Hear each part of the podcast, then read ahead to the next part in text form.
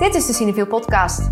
We zaten er net weer zo lekker in. Met iedere week nieuwe films en eindeloze bezoekjes aan het filmtheater. Maar toen kwam lockdown nummer 2. Het begint haast vertrouwd te voelen. De theaters sloten noodgedwongen twee weken lang hun deuren en ook wij bleven weer braaf binnen op de bank. Gelukkig kan je nog steeds een beetje boel Cineville in huis halen met onze online streamingdienst Vitamine Cineville.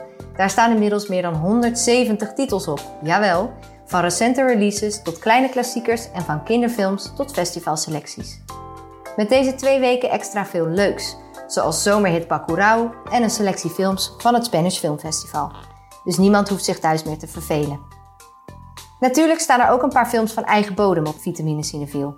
Denk bijvoorbeeld aan De Libby, de wervelende ode aan jong zijn en wat willen, of de vliegende en hondsbrutale terrier van de Vliegende Hond, maar ook de zingende daklozen van de Disciples. Het is maar een greep. Vandaag hebben we het in de podcast over drie andere Nederlandse vitaminefilms. Grote thema's voor kleine kinderen in Kapsalon Romy, Warmerdams absurdisme in Borgman en zo meta dat je er maf van wordt in Nocturne. We voeren ons gesprek op afstand via Zoom met onze eigen microfoontjes, dus het kan zijn dat het iets minder goed klinkt dan normaal. Hopelijk zitten we de volgende keer weer gewoon in de studio. Naast mij in de chatroom zitten mijn collega's Maan Milker en Jente Buskus. Hallo. Hallo. Hallo. Hallo, hallo. Hoe gaat het met jullie deze tweede keer thuis? Ja, ik heb de kaarsjes aan. Het is alweer zo vroeg donker. Ja, het is wel anders hè, dan een lente-lockdown. Ja. Ja, het is ook. Ja. Ik probeer er een soort van eh knusse draai aan te geven door inderdaad gewoon dan om vier uur 's middags de kaarsjes aan te steken en een kop thee te pakken en zo. Maar het is zo Dat is donker. wel knus. Zo. En hebben jullie wel een soort home office improvement ten opzichte van de vorige keer? Ja, ik heb een kniestoel. Ah, eh, oh, ik zeg ah, maar wat is dat? Dat is Hoe een zit stoel dat? Waar je, ja, hoe moet ik het uitleggen? Het is een soort wipstoel. Is dat hoe dat heet? Schommelstoel? wipstoel? Ja. I don't know. Ehm, schommelstoel waar je op je schenen leunt en op je zitvlak. Ja, Mhm. het is heel fijn, want daardoor ben je eigenlijk constant in beweging omdat je evenwicht zoekt. En ik heb nogal snel last van mijn rug omdat ik heel erg krom zit. En hierdoor zit ik noodgedwongen heel erg recht. Lijkt me Goed. eigenlijk heerlijk. Ja, Klinkt top. Ja. ik heb een nieuwe monitor. Een nieuwe grote monitor waar ik films op kan kijken nice. thuis. Zijn jullie ook de, de laatste avond voor de, voordat alles weer dicht moet, zijn jullie toen naar de bioscoop gereisd? Nee, helaas Nee, niet. want alles was al uitverkocht. Kijk, heel Dus veel dat was mensen ook wel dus wel. goed. Ik vond het niet erg. Ja. En naar welke film zijn mensen het- geweest? Weten we dat ook? Het meest? Naar Cajillionaire, volgens mij veel mensen. Ja. Volgens mij, ik dacht hoop, volgens mij. Ja, hoop. Ja. Er zijn de avond voordat alle theaters weer dicht moesten, zijn er 3100, nee sorry, 3118 cinefielers naar de film geweest. Dat zijn er echt wel veel. Ja. En niet alleen in een eentje, want het waren in totaal 3405 bezoeken. En ze zijn dus heel veel naar Hoop geweest, maar ook naar Corpus Christi en naar Cajillionaire. Oh ja, Corpus Christi. Ja, Dat vond ik heel mooi. goed. Ja, heel vet. Echt zo'n, eh, kreeg je echt een soort van zin om te rellen daarna. Zo'n gevoel, toch? Van, ah! Wat dan echt helemaal niet goed is als je die dan als laatste film hebt gezien voordat de theaters dichtgaan. dat je nergens Fuck het systeem. ja. Oh, oh. Eh, maar vandaag gaan we het dus hebben over de films die we thuis hebben gezien.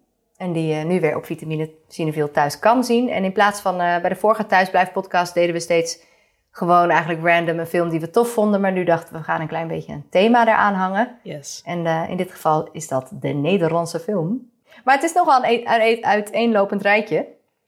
Ehm, dus dat is wel leuk. Misschien wil jij beginnen met degene die jij eh, in je hoofd had, Maan. Ja, ik had... ehm, ik zei altijd Nocturne, maar toen ging ik hem nog een keer bekijken. Ik had hem in de bioscoop gezien toen hij uitkwam eh, begin vorig jaar inmiddels. Zeg ik dat goed? Ja. 2019. Zo, dat gaat Ja. snel Ja. tijd. Ik word even, ik word even overvallen door, door nostalgie. maar, Door moet- existentiële angst. eh, maar ik keek hem eh, nog een keer en daar zeggen ze Nocturne. Dus dat moet ik misschien ook maar zeggen, Nocturne. Tensie! Een jongen. Een meisje. Nog een meisje. Pistolen. De middenweg. Het systeem. De jongen op de brommer. Hollywood. Jong zijn. Michel Pocard. Ouder worden. Sentimenteel. Jeugdig. Komisch. Tragisch. Tensie, licht, Dat is een, eh, een film van eh jonge maker, Victor van de Valk. En hoe moet ik het uitleggen? Het is een film over het maken van een film in een universum waarin alles film is. Alles Tuurlijk. is film. het voelt als mijn leven. ja. Dus het is een soort cinefiel stap Dus- in de wereld van film, maar dan met heel veel soort koortsdromen en prestatiedruk. Want we volgen een, een, jonge, eh, ja, een jonge regisseur die aan de vooravond staat van zijn speelfilm. Dus alles is er, er is een set, er, is, er zijn mensen die hem achter zijn broek aan zitten van kom op, kom op. Het enige wat je nodig hebt is toch een verhaaltje over de liefde. Neem een man, neem een vrouw je bent klaar. Dat is een film. Bam, bam. En, eh, en die, volgens mij heet de hoofdpersoon Alex, die zegt van nee, nee, maar er is meer. Dit kan het toch niet zijn. Maar Ja. vervolgens komt hij er niet uit. Dus hij is een soort van belofte van een kunstenaar die, die vernieuwing gaat brengen, die, die wel weet hoe het zit. Alleen uiteindelijk vervalt hij gewoon in de voorbeelden. Dus hij vervalt in Godard, hij vervalt in eh, andere Franse cinema, hij vervalt in Vlaamse accenten, want dat is een ding in, in Nederlandse films.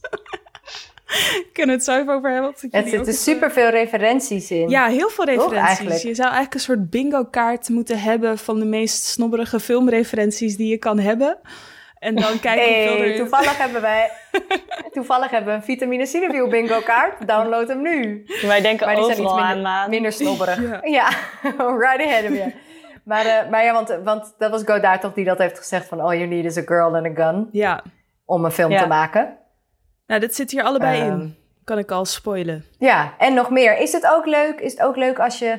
Als je want ik heb hem ook gezien en ik, ik had veel van de referenties die, die zag ik of die volgde. Ik weet, je zit heel veel, ook qua stijl, zo'n film noir stijltje. Iedereen is de hele tijd aan het roken en auto's die uit de rook opdoemen in smalle steegjes... waar dan een slechterik met een Vlaams accent Ja. uitstapt. En is het ook leuk, denk je, als je dat allemaal niet meepikt? Ja, misschien nog wel leuker, omdat je dan niet...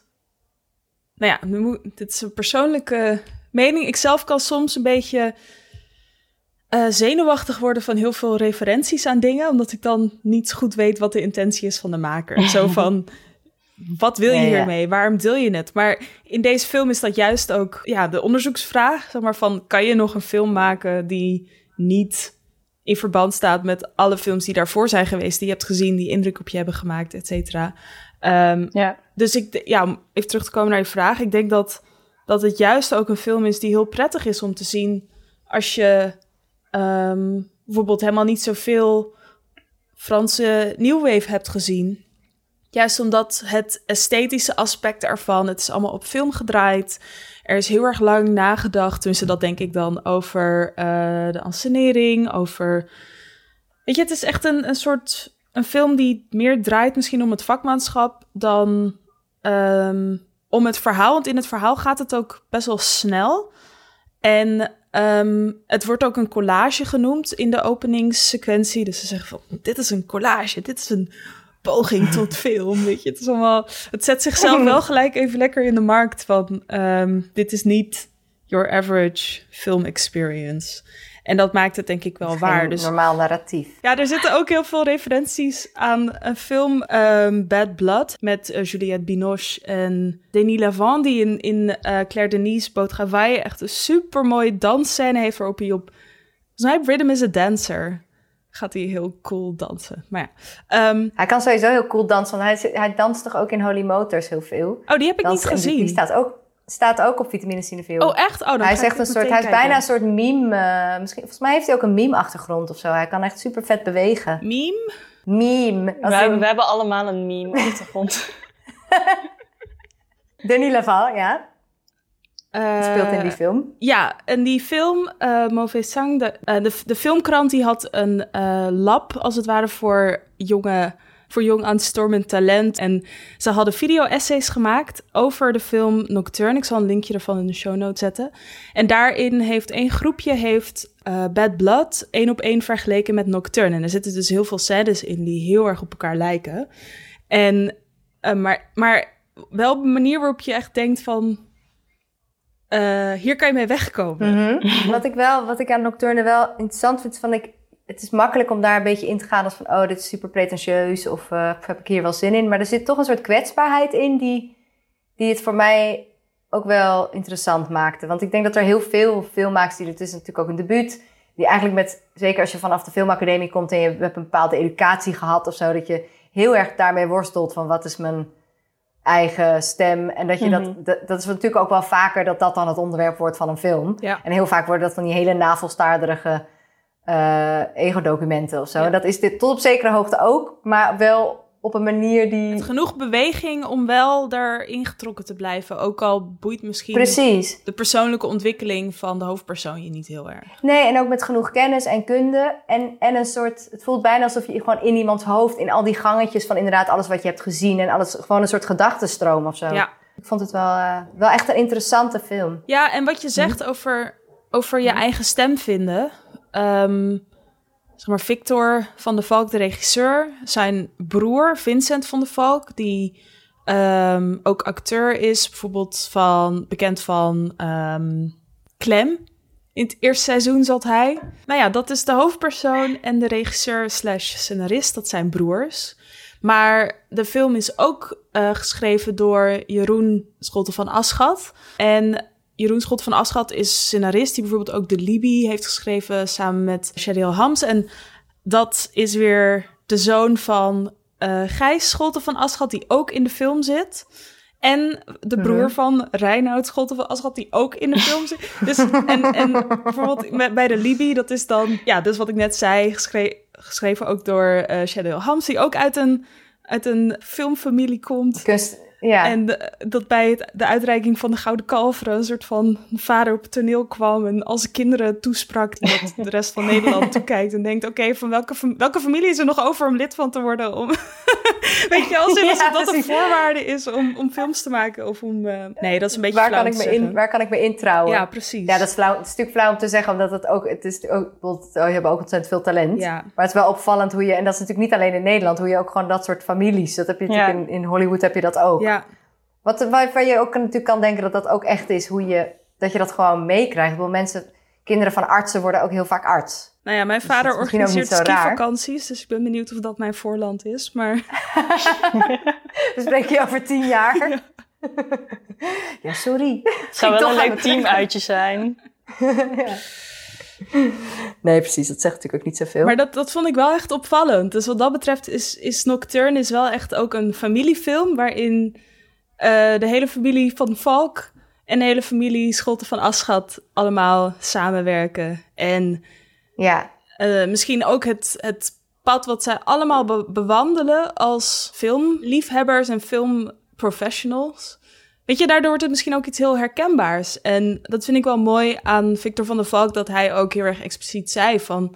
Ja, ik ben gewoon met mijn broer opgegroeid en daardoor leek het me ook zo tof om gewoon dan met hem samen te werken. Want dit is altijd onze droom geweest om films te maken. Ja, en ja. dan, Mhm. ik weet niet, dat, dat heeft dan ook wel iets heel sympathieks, dat je dat dan ook, dat je daar ook Ja. voor, voor gaat. ja dat is sowieso volgens mij toch ook met gewoon best wel een laag budget. En wel eh, met allemaal, ehm, sowieso allemaal vrienden en familie Ja, gemaakt over best wel een lange periode. ja. Dus, eh, Ja, want dat vind dat ik ook wel er interessant. Dat ze zeggen inderdaad, het is een low-budget film. Ehm, en dat, dat komt vooral omdat ze eigenlijk van het geld voor een korte film hebben ze dan een langspeelfilm gemaakt. Ehm, dus dat gaat dan om een paar ton. Terwijl je normaal toch wel minstens een miljoen nodig hebt, denk ik, voor een fictiefilm. Als je het echt ehm, een beetje, als je iedereen een beetje degelijk wil betalen.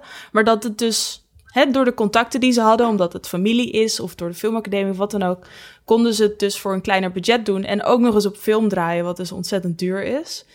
En ik weet niet, ik vind dat wel interessant dat het dan alsnog een low-budget film heet. Want eigenlijk is het ook weer niet low-budget, omdat er eigenlijk ook heel veel kosten in zitten die niet zijn uitbetaald binnen de film, maar misschien wel op een eerder moment. Weet je wel? Dus als jij een Ja. geluidsman hebt die Mm. gratis voor jou werkt, maar wel zijn eigen spullen heeft die heel duur zijn, dan is daar ooit in geïnvesteerd. Ehm, dus dan werk je alsnog eigenlijk met een groot budget, want je hebt die dure spullen. Maar je hoeft er niet voor te betalen. de- Dus het is een soort gift of Nee. zo, weet je wel, van die cameraman Ja. dan. Ja, Je hebt de mensen die, de mensen die, die het kunnen betalen om dat soort gear te hebben. Dus eigenlijk is dat ook op die manier een investering. Ja, ja. Dus ook de, de mogelijkheid hebben, ja precies. De echte low-low budget kwaliteit zie je sowieso bijna, of zie je gewoon heel weinig meer. Want natuurlijk de digitale techniek Ja. is zo, of in ieder geval in, in Europa bijvoorbeeld. Ja, Zeg maar de, de techniek, digitale techniek is natuurlijk zo toegankelijk geworden. ja, Dat, je soms, dat je soms juist bij, bijvoorbeeld ook als programmeur of zo, denk ik juist echt heel erg door juist de, de fysieke kwaliteiten of de, de beelden doorheen moet kijken van is dit, het ziet er wel te gek uit, maar hoe goed is dit? ja, precies. Ja, ja. Ja. heb je dat bij Imagine Filmfestival, dat, er dan, eh, dat je daar wel ontwikkeling ook in ziet misschien? Ja, zeker. Zie je wel gewoon dat, dat er gewoon best wel, eh, zelfs amateurfilms, of zo hoe je dat eh, zou willen noemen. Ja, eh, daarvan is gewoon de, de, de kwaliteit van de beelden is gewoon best wel hoog. Ja, En dan, dat, dat bijt soms heel erg met dan bijvoorbeeld het acteren of het scenario. Wat Ja. natuurlijk eigenlijk, weet je, en, dan, en je ziet aan de andere kant natuurlijk juist weer dat mensen dan teruggaan naar een soort B-movie kwaliteit. Maar dat kost dan vervolgens heel veel geld. Ja, en dat ja, wordt dan allemaal op VHS of zo, op, op VHS opgenomen. Je had op IFR dit jaar ook zo'n film, die heette VHS. En die is dan geregisseerd door de zoon van Tim Robbins en Susan Sarandon. Dus die kan heus wel hele dure camera's betalen waarschijnlijk. Maar dat, is, dat ging dan meer om een soort... eh, ja. Throwback naar, ehm, naar de straight-to-video kwaliteit. of zo. Ja. Nee, maar ik vind Nocturne vind ik echt de moeite waard. Ik kan het echt eh, ja. iedereen aanraden. Ja, ik vond het ook wel eh, echt eh, ook best wel gewoon Ja. dapper. Zo. Ik dacht toen wel van, ah, nice. Er, worden gewoon wel interessante eh, nieuwe dingen gemaakt toen die uitkwam. Ja, ja, en ook Nieuw dus, een, eh, als je dus bedenkt dat ze het met zo weinig budget hebben gedaan, eh, in verhouding, dan ja, hebben ze er zoveel uitgehaald. Het is echt iedere Mhm. minuut. Er zit, het is zo'n soort dichtheid is heel erg hoog. Dus dan krijg je Ja. wel echt waar voor je geld of zo. Ja, Probeer alles weer vanuit Zeker. economisch perspectief te benaderen. Stop daarmee, stop daarmee. ja, precies. En op vitamine kan je hem zo vaak kijken als je wil. Dat is ook fijn. Dus als je die ene referentie hebt gemist, kan je nog een keer kijken. Ja. En nou, dan gaan we door naar nog een, eh, een andere film die door een, een familie is gemaakt. op een bepaalde Ja. manier, namelijk Borgman. Zou ik hier misschien even een bad kunnen nemen? Klinkt helemaal niet goed. Goedemiddag. Ik ken uw vrouw. Wie is dat? Goedemiddag. Ik kom me aanbieden als tuinman. Komt u binnen. Je mag niet weg. Dat kan. Maar dat heeft consequenties. Ik ben Baumgarten? Ja? Er is iets om ons heen, Richard. Iets wat buiten ons is en af en toe naar binnen glipt. Ja, Borgman is eigenlijk ook een, eh, een familiefilm inderdaad. Een, eh, een Van Warmerdam film. Eh, het is een film uit 2013 en eh, hij is geregisseerd door Alex van Warmerdam. En eh, zijn eh, vrouw, eh, Annette Malherbe, speelt er ook een rol in. En zijn broer, geloof ik, Vincent, die heeft de muziek geschreven. Zijn andere broer. Ja, zijn andere broer inderdaad, ja, die is de, eh, heeft meegeschreven aan het script volgens mij. Of heeft het Ja, en de productie. Heeft het geproduceerd? Ja, sorry, ik had het even Ja. voor elkaar. En er zit ook nog een klein bijrolletje van zijn zoon in. Dus het is echt een een family affair. Eh, Ja. En het, ja, het, het, het is echt een beetje een... Het is een beetje absurdistisch, maar het voelt af en toe ook gewoon als een best wel eh recht thriller. Eh, het gaat over een, eh, een gezin, best wel rijk gezin, dat in een hele moderne villa woont. Ehm, en daar belt dan op een dag een man aan met een baard die een beetje onverzorgd uitziet. Ehm, en die zegt, hallo, mag ik even bij u in bad? Want ik stink heel erg en ik heb echt even een bad nodig. En de man des huizes, Richard, die, die gespeeld wordt door je, Jeroen Persval, die heeft zoiets van, nee, ik vind jou raar en Nee, vies en zou eng. dus die, eh, die, die wil echt niks van hem te maken hebben. Maar eh, de vrouw des huizes, Marina, die wordt gespeeld door Hadwig Minus, die, eh, nee, die laat hem toch stiekem binnen en die laat hem in bad en geeft hem ook te eten. En dan gaat hij eigenlijk niet meer weg. En dan wordt het een soort van super rare home invasion, omdat hij doet eigenlijk niks verkeerd. Of ja, op een gegeven moment wel, maar hij gaat gewoon steeds een stapje verder in Er zijn. het indringen, in gewoon er zijn. Zijn aanwezigheid wordt gewoon steeds opdringeriger. Totdat het echt gewoon helemaal uit de hand loopt. En eigenlijk wil die Marina, die wil ook niet echt dat hij weggaat. Zij vindt het ergens ook wel fijn of zo om voor hem te zorgen. Uh, en dan uh, smeden ze ook een soort van plannetje dat hij later terugkomt. Uh, maar dan met geknipt haar en een afgeschoren baard en een glad gezicht. En dan solliciteert hij voor de functie van tuinman bij, bij die Richard. En die heeft dus helemaal niet door dat hij dat is. En denkt, oh, dit is gewoon een nette man met een gladschoren gezicht. En die mag nu in mijn tuin werken. En zo werkt hij zich eigenlijk dat huis in. Um, Klinkt een beetje en, als Parasite ook. Ja, nou, ik dacht dus meteen toen ik dat huis zag. Dit is gewoon een soort van Parasite avant la lettre. Want ik heb hem destijds, toen in 2013 heb ik hem al een keer gezien. Maar dat was zo lang geleden dat ik niet, eens meer wist zeg maar, waar het over ging. En toen keek ik hem nog een keer en toen dacht ik, het moet gewoon, het kan niet zo zijn dat Bong Joon-ho deze film niet gezien heeft of zo. Want het is echt, het lijkt er zo erg op en ook het gevoel van dat er, dat er gewoon steeds iets, iets onder het oppervlak ettert of zo. Dat, uh, dat het uit de hand gaat lopen. Dat zit hier ook zo erg in. En die, dat huis lijkt ook super erg op ja, die villa ja. uit Parasite. Ook zo super modern, met die grote ramen. Mooie tuin, uh, betonnen muren en zo. En... Zij lijken ook wel een beetje op elkaar, toch? Eigenlijk in de manier van film maken of zo, Bong Joon-ho en Alex van Warmerdam. Als je kijkt naar de, art, de manier waarop ze hun art direction aanpakken bijvoorbeeld. Weet je, gewoon alles super uitdenken. Ja, maquettes maken van de sets, Precies, dat, dat, dat, zou... Ja, dat heeft, heeft Bong Joon-ho natuurlijk ook gedaan bij Parasite en van Warmerdam ook bij, uh, bij Borgman. Gewoon alles helemaal tot in de puntjes zo maken als hij dat zelf wil. Ja, zulke sterke beelden ook, toch? Ja. Maar Borgman is ook wel eigenlijk wel grappig. Er zit ook een beetje die absurde humor in, wat in Parasite ook een beetje zit. Ja. Het balanceert ook een beetje inderdaad tussen dat uh, best wel tragische eigenlijk, maar ook het, het grappige. En dat is echt zo'n super fijne, super dunne lijn of zo, waar, waar allebei die films erg ja, mee spelen eigenlijk. Ik heb zelf Borgman niet gezien, maar in Parasite heb je dus heel erg die maatschappijkritiek. Heeft deze film daar, doet die film daar iets mee of is het meer op een ander niveau? Dat het, uh... Ik had zelf echt, terwijl ik hem aan het kijken was, dat ik echt elke minuut dacht van, oh mijn god, ik kan hier zoveel thema's opplakken en zoveel metaforen uithalen. En ik heb echt wel, uh, ik denk dat je heel makkelijk, of makkelijk in deze film zo, zo'nzelfde soort kritiek kan lezen uh, over ja, hoe, hoe hypocriet het idee van beschaafdheid ook bijvoorbeeld is. Dat dus als een man uh, een, uh, een beetje groezelige baard heeft, dat het dan een enge vreemdeling is. En als hij gladgeschoren is, dat je hem dan zo aanneemt als tuinman, ook al ken je hem niet. Um, En, en dat die, die vrouw van het, van het gezin, die moeder, die heeft ook, lijkt ook een soort van schuldgevoel te voelen over hoe hoe goed zij het eigenlijk hebben. En uh, wordt ook heel boos bijvoorbeeld als haar dochter een, een knuffelbeer kapot maakt. Want die knuffelbeer die is misschien wel door kinderhandjes gemaakt. En is helemaal vanuit China hierheen gekomen, speciaal voor jou. En nu maak jij hem kapot. Maar um, toen ging ik na de film interviews met Van Warmerdam lezen. En die benadrukt dus altijd, als hij ook maar iemand kan spreken over zijn films, dat hij er eigenlijk allemaal helemaal niks mee bedoelt.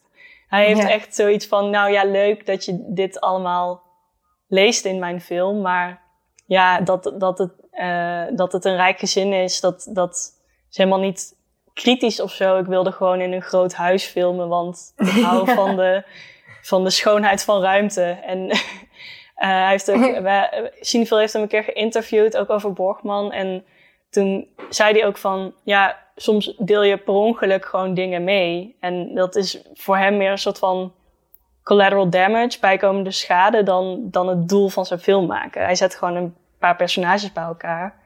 En dan gebeuren er dingen. Ik vind dat wel... leuk om een stukje te luisteren van hoe hij dat... Uh, is zo'n interview bij een van zijn... Zo van een opening, volgens mij, van een van zijn tentoonstellingen. Dat dan ook zo'n best wel hoogdravende journalist hem allemaal hele moeilijke vragen gaat stellen. Kunnen we wel... Uh, kunnen we even luisteren. Even laten horen. Ja. ja. We zijn in het Schiedams Museum bij de tentoonstelling van Alex van Warmerdam. Um, multidisciplinair kunstenaar wordt gezegd. Hoe vaak wordt er gegist naar een overspannend thema in uw werk? Naar een overspannend thema? Geen idee. Oké, mag, ik, mag ik dan een, eh, een, een, een, eh, een eh, veronderstelling eh, bezigen? Ehm, het, eh, het onmogelijkheid van succes behalen. Wat zei het laatste? De, succes en dan? eh, de onmogelijkheid van succes behalen. Jeetje, Mina, wat zeg je allemaal ingewikkelde dingen? Ik heb geen idee wat ik daarop moet... Wat, wat- ik, ik weet eigenlijk niet precies wat je ermee bedoelt. De on- onmogelijkheid van het succes behalen. Zeg me niks. Ik vind het ergens heel grappig gewoon dat hij gewoon weigert daarop in te gaan. Maar ik vind, ben het er ook wel mee eens dat het soms zo vermoeiend is om mensen films helemaal kapot te zien analyseren of zo.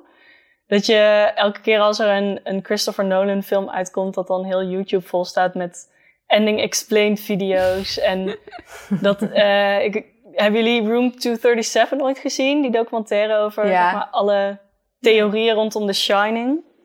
Dat is ook echt zo'n een fascinerende film, gewoon omdat mensen dan echt zo zeggen van ja, eh, omdat deze stoel daar staat, betekent dat dat eh, deze film eigenlijk gaat over dat de maanlanding gefaked is of zo. echt dat je de kleinste dingen helemaal, helemaal uitpluist tot, eh, tot betekenis. En ik vind het dan ergens ook wel vet dat er gewoon zo'n Alex van Warmerdam tussendoor komt die gewoon zegt van ja, ik kan, kan het echt zien als een prachtige maatschappijkritische film, maar ik heb daar niet over nagedacht hoor.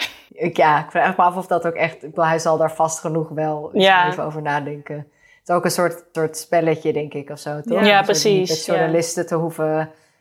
Want hij is volgens mij verder zelf kritisch genoeg op het werk van anderen bijvoorbeeld. Dat zal, is, want hij heeft, dan, hij heeft toch ook dat, daar hebben we volgens mij ook een keer eerder over gehad, dat hij dan Zwartboek van Verhoeven helemaal... eh, Ik vond het een verschrikkelijk slechte film. Een, een, een kutfilm van twee vieze oude mannen. Met de grond gelijk maakt. En daarin is hij dan juist weer super analytisch, maar op een heel, nou ja, eigenlijk op hetzelfde niveau als, dat, als zijn set designs en zo. Gewoon heel erg gedetailleerd van ja, maar dit doe je gewoon niet. Je kan niet en dit doen en dat doen, dat klopt gewoon niet. Dus Dat klopt niet, ja. het is gewoon meer op dat niveau misschien. Maar wat ik wel grappig vind, is als je opeens bedenkt van als je die twee films tegen elkaar afzet, zeg maar Borgman waar van waar me dan van, dan van zegt van ik wil helemaal niet bezig zijn met een diepere laag en de betekenis. En dan zo'n film als Nocturne, waar juist de maker eigenlijk alleen maar Ja. dat aan het doen is. Ja. Is wel een eh, grappig 1-2'tje. Ja, ik vond het ook wel, ondanks dat ik dus probeer om niet een film kapot te analyseren als ik hem aan het kijken ben. het deed me aan zoveel andere films denken dat ik een soort van een nieuw subgenre heb ontdekt, namelijk klassenkritische home invasion films. Het lijkt op Parasite, maar het lijkt ook heel erg op Funny Games. Ehm, en ook, ook een beetje deed het me denken aan Us van Jordan Peele. En films als The Purge. Want Funny Games is dat die eh, Haneke Ja. film over Daarin, eh, dat een gezin wordt gepest. Ja, daar, ja. Ja. dat is heel, een hele lieve manier. Noem het pesten. En daarin heb je dus ook dat, dat er wordt aangeklopt door twee hele vriendelijke jonge mannen die gewoon... Ik weet niet wat ze komen doen. Ze komen een ei lenen of zo. Ja. En dat loopt langs verder alleen maar uit de hand. martelen, ja. Sorry, ik heb Eh. het gespoild. Ik noem het martelen, niet pesten. maar inderdaad, er zit dan ook in. Dat zijn dan vaak de wat, wat wel, zo'n welgesteld gezin wat dan ook wordt Ja. aangevallen. Ja, net als in, Vaak. in, eh, in dus Us of, of films zoals The Purge ook. Dat weer echt totaal een ander soort film is en veel meer echt gewoon een best wel commerciële Hollywood horrorfilm. Eh, Mhm. Als je dat vergelijkt met iets als Borgman. Maar het, het zijn wel allemaal van die films waarin rijke mensen ineens soort van de rekening krijgen voor eh, ja, het privilege waar ze in leven of zo. Dus dat is wel een- Ja. echt een super interessante golf van films. Ja. ja, want het geeft ook wel net een extra laagje dan aan zoiets. Want de home invasion bestaat natuurlijk al heel lang. Ja. Maar dat was eigenlijk een beetje doodverklaard door The Strangers. Heb je die wel eens gezien? Nee. Dat is Nee. een soort de ultieme, het is echt een hele nare film. Heel, heel eng in ieder geval. En waarom hij zo eng is, is omdat dat namelijk dus gewoon een stel... die zijn op een soort honeymoon in een, in een huisje ergens op het platteland... en die worden dan belaagd door drie gemaskerde engerikken. En de, dat is puur... En dan aan het, aan het eind... Sorry, ik ga het spoilen, maar het mag wel voor de purpose of this podcast.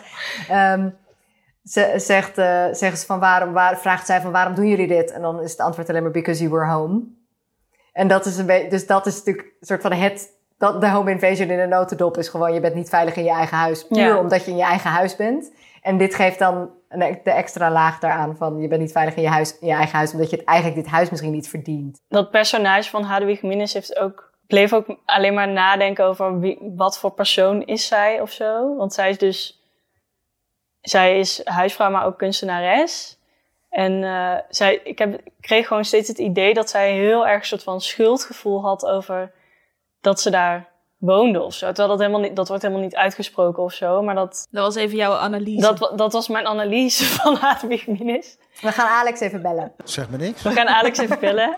Nee, ja, ik vond het wel interessant. Ik dacht alleen maar van, oh, wat, wat heeft zij gedaan om in dit huis terecht te komen? En waarom, waarom wil zij zo graag zorgen voor deze random man die ineens in haar huis is? Ja, en, eh, en het is ook wel, wel weer grappig dat hij, dus, dat, dat hij ook een Vlaming is. Net als de bad guy in Ja, maar dat, dat valt toch op? ik bedoel, denk ook aan karakter of zo, weet je, de film van eh, Mike van Diem. Die trouwens opnieuw, die opnieuw uit is gekomen. Ja, precies. Ja. Ja. In politieseries is het ook altijd een Vlaming. Het is een soort van, het is een soort filmische versie van een foute Belgengrap of zo. Toch? Een Nou, soort, het, valt me inderdaad soort- wel echt op dat, dat er gewoon best wel veel Vlaamse acteurs in Nederlandse films spelen. En ik vraag me dan af of dat andersom ook is. Daar kijk ik misschien ook niet genoeg Vlaamse films voor om dat te weten. Maar het, het, maar het doet ook echt wel wat met de stijl, vind ik. En dat heeft er misschien ook mee te maken, omdat... Ik bedoel, als je kijkt naar Amerikaanse films of naar Franse films... dan zitten daar waarschijnlijk ook heel veel verschillende accenten in. Ik bedoel, of iemand nou uit Texas komt of uit eh, New York... dat maakt natuurlijk een wereld van verschil. Maar dat valt voor mij misschien minder op... omdat het allemaal een soort exotisch is... of Mhm. allemaal een soort cool of, of juist theatraal. Of... En bij het Nederlands heb ik het idee dat, dat je of een soort ik noem het maar even zonder iemand te willen beledigen, maar een soort toneelschool Nederlands. Eh, dus een soort heel erg gearticuleerd en een soort onrealistisch. Of we hebben ehm, Vlaams om dat een soort van op te vangen, zodat, zodat mensen misschien ook, de kijker ook minder kritisch luistert naar de taal die je zo gewend bent. Slaat dat denk je ergens op? Minder- jullie daar? kritisch luisteren. Ja, net zoals je in Amerika, of in ieder geval in, in echt oude Amerikaanse films uit de jaren 40 en zo, heb je ook dat mid-Atlantic accent. Transatlantic, ja. Ja, wat echt zo... Ja, wat ook gewoon bijna een beetje Engelsig kan, kan klinken. Wat Ja, niemand ja. spreekt, behalve mensen in films. Niemand praat zo. Ja.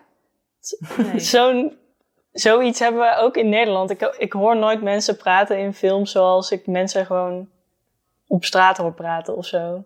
ja. Ja, wel steeds meer. Voor mijn gevoel wel steeds meer. Dat is ook wel Ja, iets wat aan het beetje, ja. volgens mij aan het doorbreken is. Dat je denkt van, oh god, dit zijn gewoon best wel normale dialogen. Ja, Ja, Ehm, zeker. Maar dat is natuurlijk wel zoiets wat, wat vroeger gewoon heel erg... Of wat wel een soort, soort stereotype cliché is, wat wel waar wat gewoon waar is. Ja, Ik vind ook ja. Maar dat, dat België en Nederlanders is natuurlijk ook... Wij, wij, wij werken gewoon heel veel... De Nederlandse filmindustrie werkt heel veel met België samen... omdat er heel veel co-producties zijn. Dus dan krijg je opeens ook best wel vaak gewoon grappige combinaties van acteurs in één film...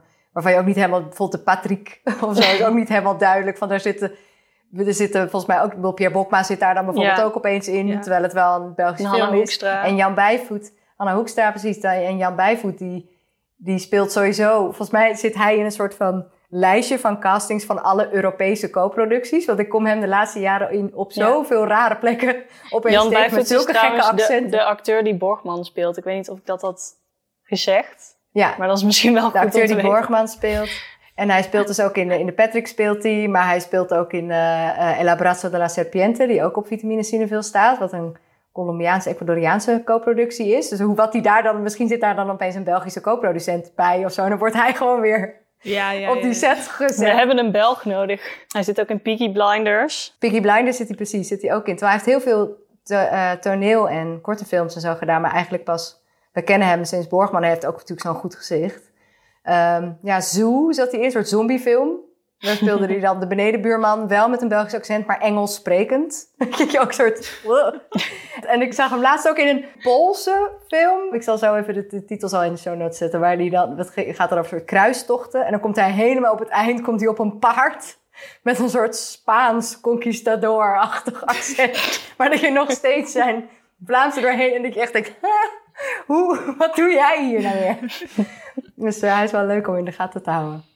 Eh, maar en eh, dat brengt ons bij ons fragmentenrondje. Want ik heb jullie gevraagd om fragmenten mee te nemen, ofwel van Nederlandse acteurs die in Engelstalige of anderstalige films spelen, of niet-Nederlandstalige acteurs die proberen een Nederlands accent na te doen. Want dat is toch ook een soort running gag, toch? Dat dat ook onmogelijk gewoon uh, na te doen is als je het niet, de geest niet goed onder de knie hebt. Ja. Maar wat heb jij meegenomen? Ik heb een fragment en ik ging hem even terug uh, luisteren. En het was zo goed gedaan dat ik me afvraag of het niet gewoon ge, nagesynchroniseerd is, maar op de YouTube comments was iedereen echt zo van... wow, dit is echt zo insane, zo goed gedaan. en echt geïnspireerd om ook Nederlands te leren en zo. Uh, het is namelijk uh, Matt Damon in The Born Identity uit 2002.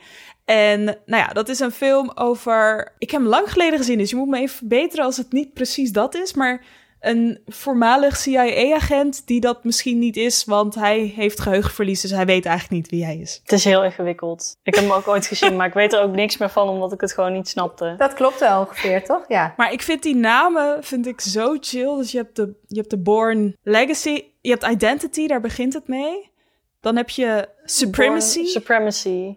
De Born Ultimatum. Ultimatum. nu ga ik al met mijn Nederlandse accent. Ultimatum. ja, dat is echt... echt dat, wat, wat komt er hierna? De laatste is Jason Bourne. Oh, precies. dus de hier, hierna wordt waarschijnlijk alleen Bourne. Jason. Ja, precies. ja. Op een gegeven moment gewoon ja. ja. Mand. Mand. Um, daarin zit hij, vraag me niet meer waarom, maar zit hij op een boot. En um, hij gaat opeens Nederlands praten tegen zichzelf in de spiegel. As one does. Vertel me wie ik ben. Weet je wie ik ben? Hou dan nog op voordat me ook nog een verzekering. En zeg het me.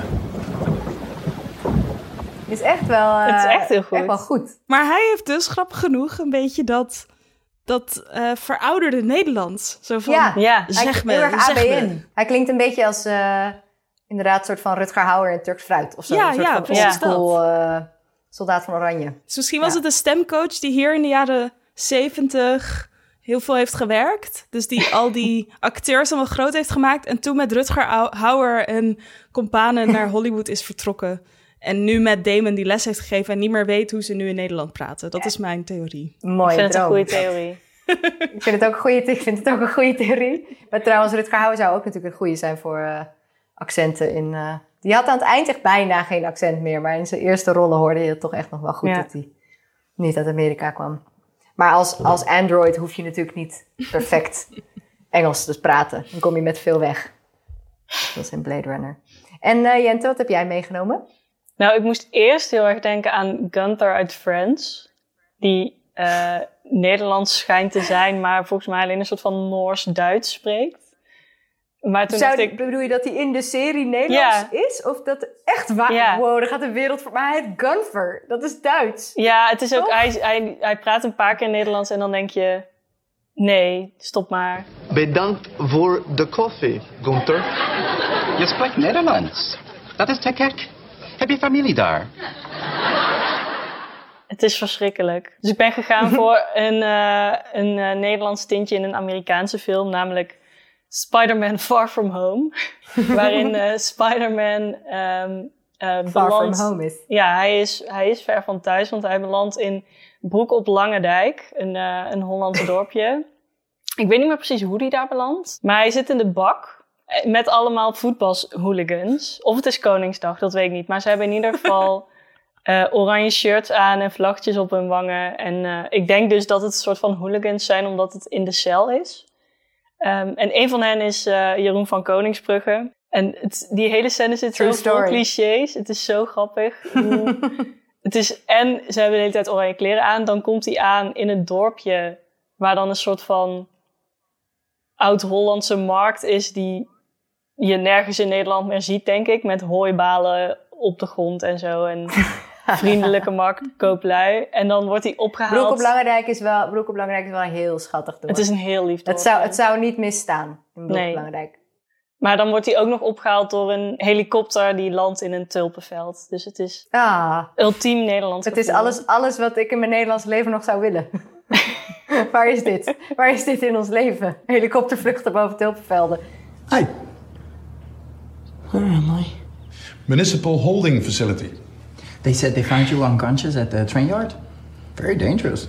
We gave you the shirt because you seemed a bit cold. Thanks. You guys are nice.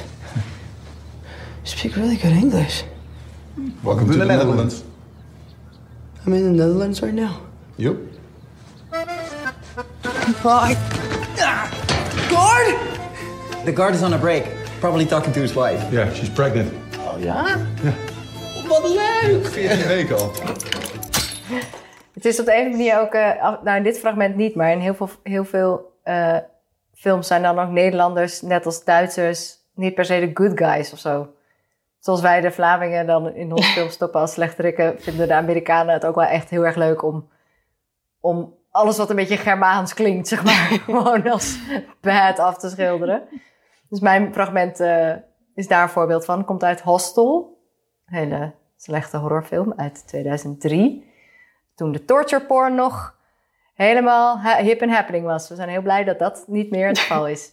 Ehm, het gaat over een groep eh, toeristen die gaan backpacken naar Oost-Europa. Ook een soort van vaag. Volgens mij gaan ze naar Bulgarije, maar niks, niks wa- van waar ze aankomen lijkt op Bulgarije. Het is gewoon, die hele film is, klopt echt van geen kant. En ze komen dan in de trein onderweg komen ze een, eh, iemand tegen die op de credits ook alleen maar staat als Dutch businessman.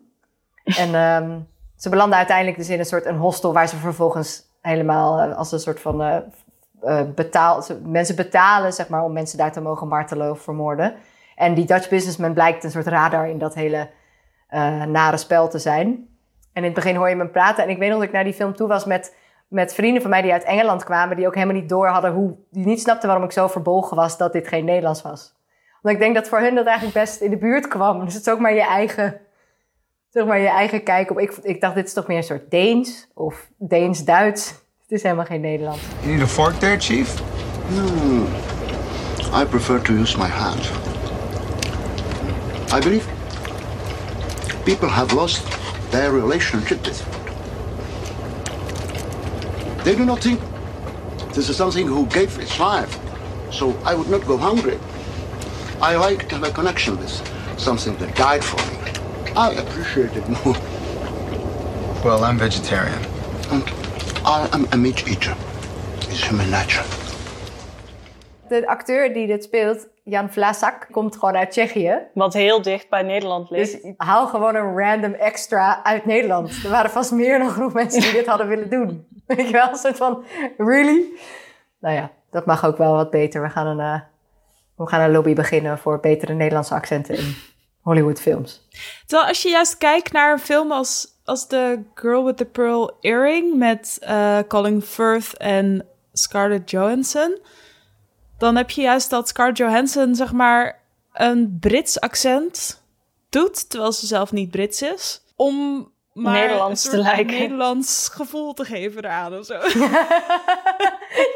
Je hoeft alleen maar even naar de overkant Logic. te zwemmen. Toch? Ja, precies. Net zoals eh, in, eh, in period dramas praten ze sowieso altijd Brits. Want vroeger sprak heel Europa gewoon Brits. Blijkbaar, volgens films. Het is nooit, als het, als het gaat over het Franse Hof, dan praten ze niet Amerikaans-Engels meer, maar ineens Brits-Engels. Puur omdat het... Ja. Dan krijg je een soort Robert Pattinson in The King. I have come to describe for you your end days.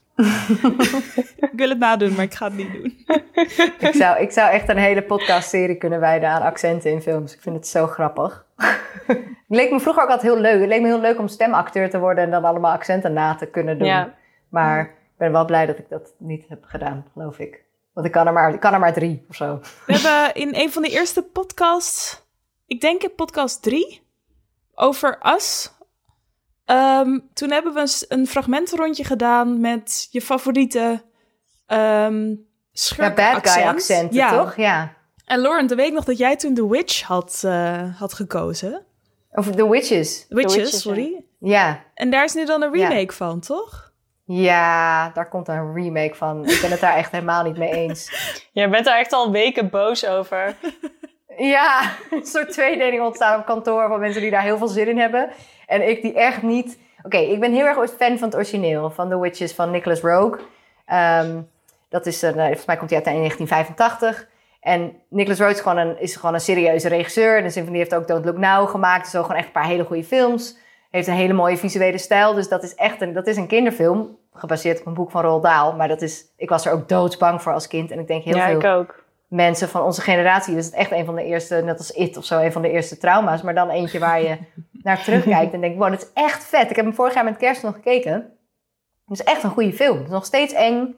Heel mooi gedraaid met een soort rare fish-eye effecten en zo. Vet geacteerd. Hele goede practical effects. En dan moeten ze dat weer gaan Disneyfyen. Voor Disney Met een, eh, ja, met een, met een remake van eh, Robert Zemeckis. Die eh, regisseur die ook ehm, Back to the Future heeft gedaan onder andere. Die heeft echt wel goede dingen gedaan in het verleden. Maar die is toch al zeker 20 jaar. Is die gewoon alles... Weet je, die maakt dingen zoals die Polar Express. Met van die enge, Oh. uncanny effecten. Die over film had echte ik verdrongen. mensengezichten. Ja, ik vind... Ik, hij, hij, het hele leuke natuurlijk aan een kinderfilm zou kunnen zijn... dat je, dat je soort van heel veel aan de fantasie van zo'n kind overlaat. En dat doet het origineel van The Witches heel goed. En Robert Zemeckis doet dat niet. Die doet gewoon alles, die legt gewoon alles uit. Laat alles zien. En het ziet er gewoon allemaal heel gelikt uit, die nieuwe, in ieder geval de trailer van de nieuwe Witches. Dus ik, ik heb er niet heel veel zin in. Maar ik ga Oké, maar je hebt alleen de trailer gezien dus. Ja, maar ik vind gewoon niet dat je die film moeten remaken. Je bent er zo eentje die op basis van de trailer...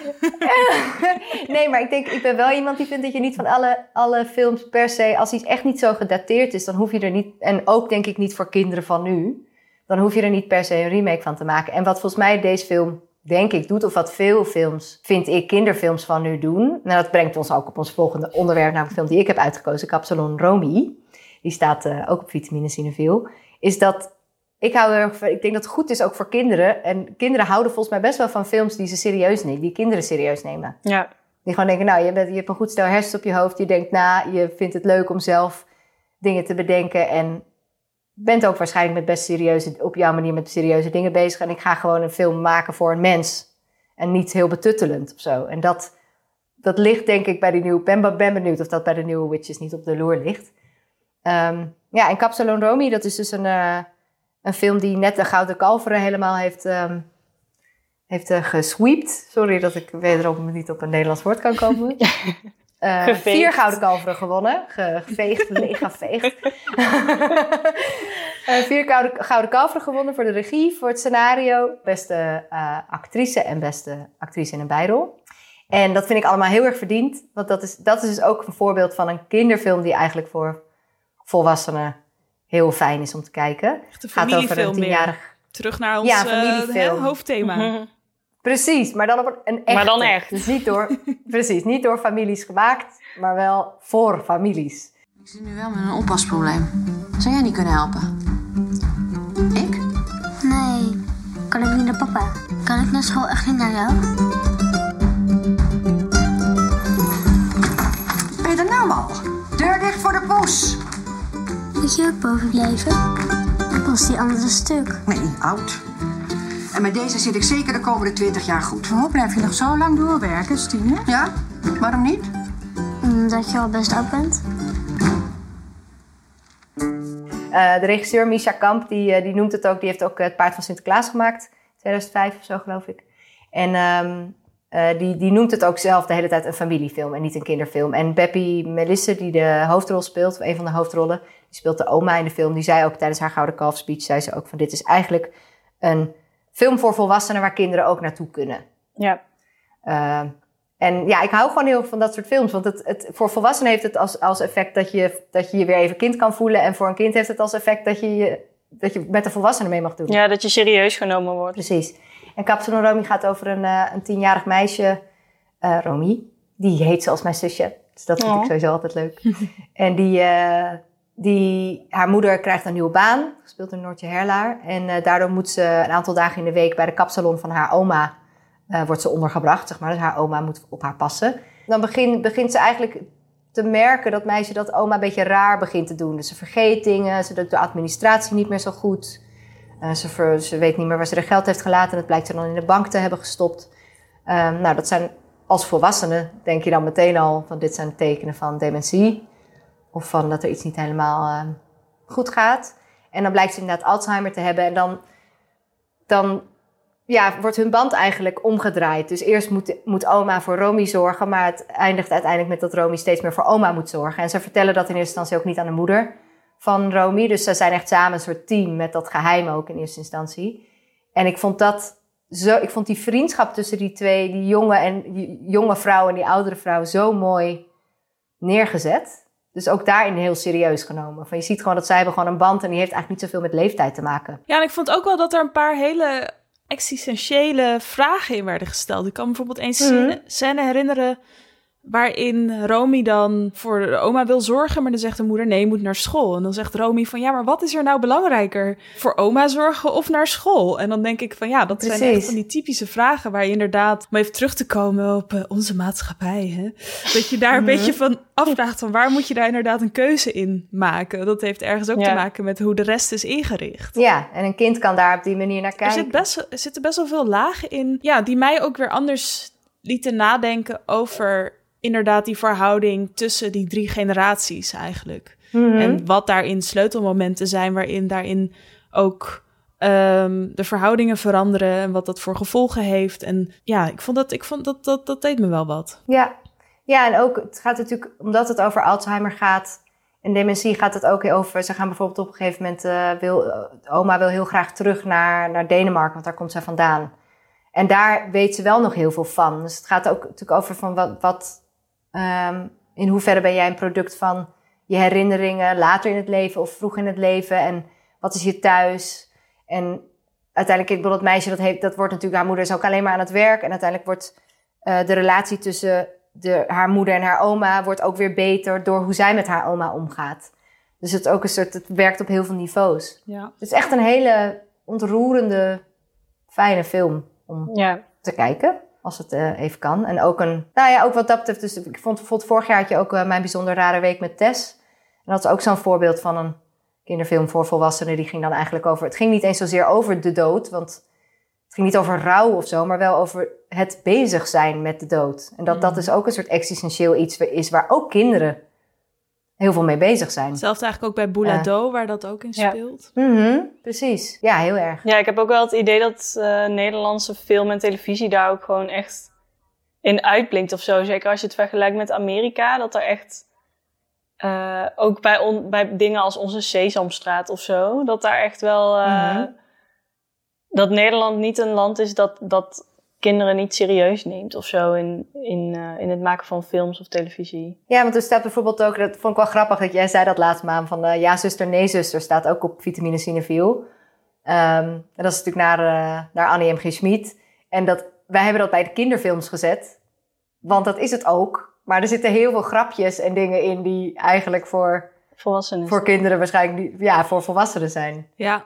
Eh, Ja. Dat zijn wel vaak de films die ik, als ik zin heb om gewoon even iets... Want, want ze komen ook bij volwassenen op een andere manier zwaar aan. Nou ja, ik heb daarmee met terugwerkende kracht dat ik heb die film en ook eh, de serie uit de jaren zestig en we hadden thuis dat liedboek staan van Harry Banning eh, van ja zuster nee zuster en dan ging ik daar het spelen met mijn oma weet je op de piano en dat soort Mhm. dingen en ik heb nu met terugwerkende kracht dat ik toen niet echt snapte waarom mijn oma daar zo op aansloeg bijvoorbeeld of waarom ze dat allemaal zo heel erg bijzonder vond of zo graag meezong. En nu met terugwerkende kracht, als ik al die liedjes weer opnieuw luister... of de film opnieuw zie... of ze dan hoor refereren aan de jongens van de reisvereniging... en dat dat eigenlijk dan staat voor...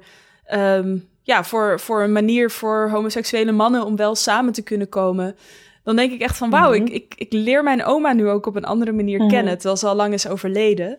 Want Ja. over dat soort thema's hebben wij vroeger nooit gesproken. Ook gewoon dat ik heel klein was. En eh, dus dat, dat, dat kan zo'n film ook wel echt hebben. Dat je toch ergens wel herinnert hoe, je, hoe de volwassenen om je heen er ook op reageerden. Mhm. Maar jij als kind die lading er nog niet in zag. En als je dan terugkijkt, dat dat dan misschien juist nieuwe herinneringen weer. nieuwe Ja. betekenis geeft aan die herinneringen. ja, ja, zeker. Maar dan, en, en nou, je hebt het over je oma, maar ik vind bijvoorbeeld Capsalon Romy ook heeft me echt wel... Ik miste mijn oma ook echt heel erg Mhm. toen ik die film zat te kijken. Omdat het ook echt wel een soort ode is aan... Je oma is ook echt iets anders dan je moeder. Ja. Of dan je... de- weet je, ik, ik heb als een soort running gag met een vriendin... dat we eigenlijk zeggen van we willen... Eigenlijk willen wij gewoon meteen oma worden. We willen helemaal niet eerst moeder hoeven worden. Ik wil gewoon oma worden. Hoe leuk is dat? Weet je, gewoon al- zo'n beetje die wijze... Maar ook Ook een beetje iets Je kan net wat meer geintjes, precies, Ja. net wat meer geintjes uithalen. Dat is gewoon heel bijzonder iemand voor veel mensen in hun leven. Dus dat, dat, eh, dat brengt die film ook wel goed over. nou, dat was hem weer. Kapsalon Romy, Borgman en Nocturne zijn allemaal te zien op Vitamine Cineville. Hopelijk kunnen we volgende week gewoon weer naar de theaters, naar de filmtheaters en naar de bioscoop. Dus dan bestaat Vitamine Cineville nog steeds, maar kun je ook gewoon weer in het rode plusje gaan zitten. Dus hopelijk gaat onze volgende podcast ook gewoon weer over een recente release. Niet The Witches, misschien ook wel. We houden het Dankjewel spannend. Jente. Ja, dankjewel Jente en dankjewel Maan. Dankjewel En Noor. tot de volgende keer. Doei.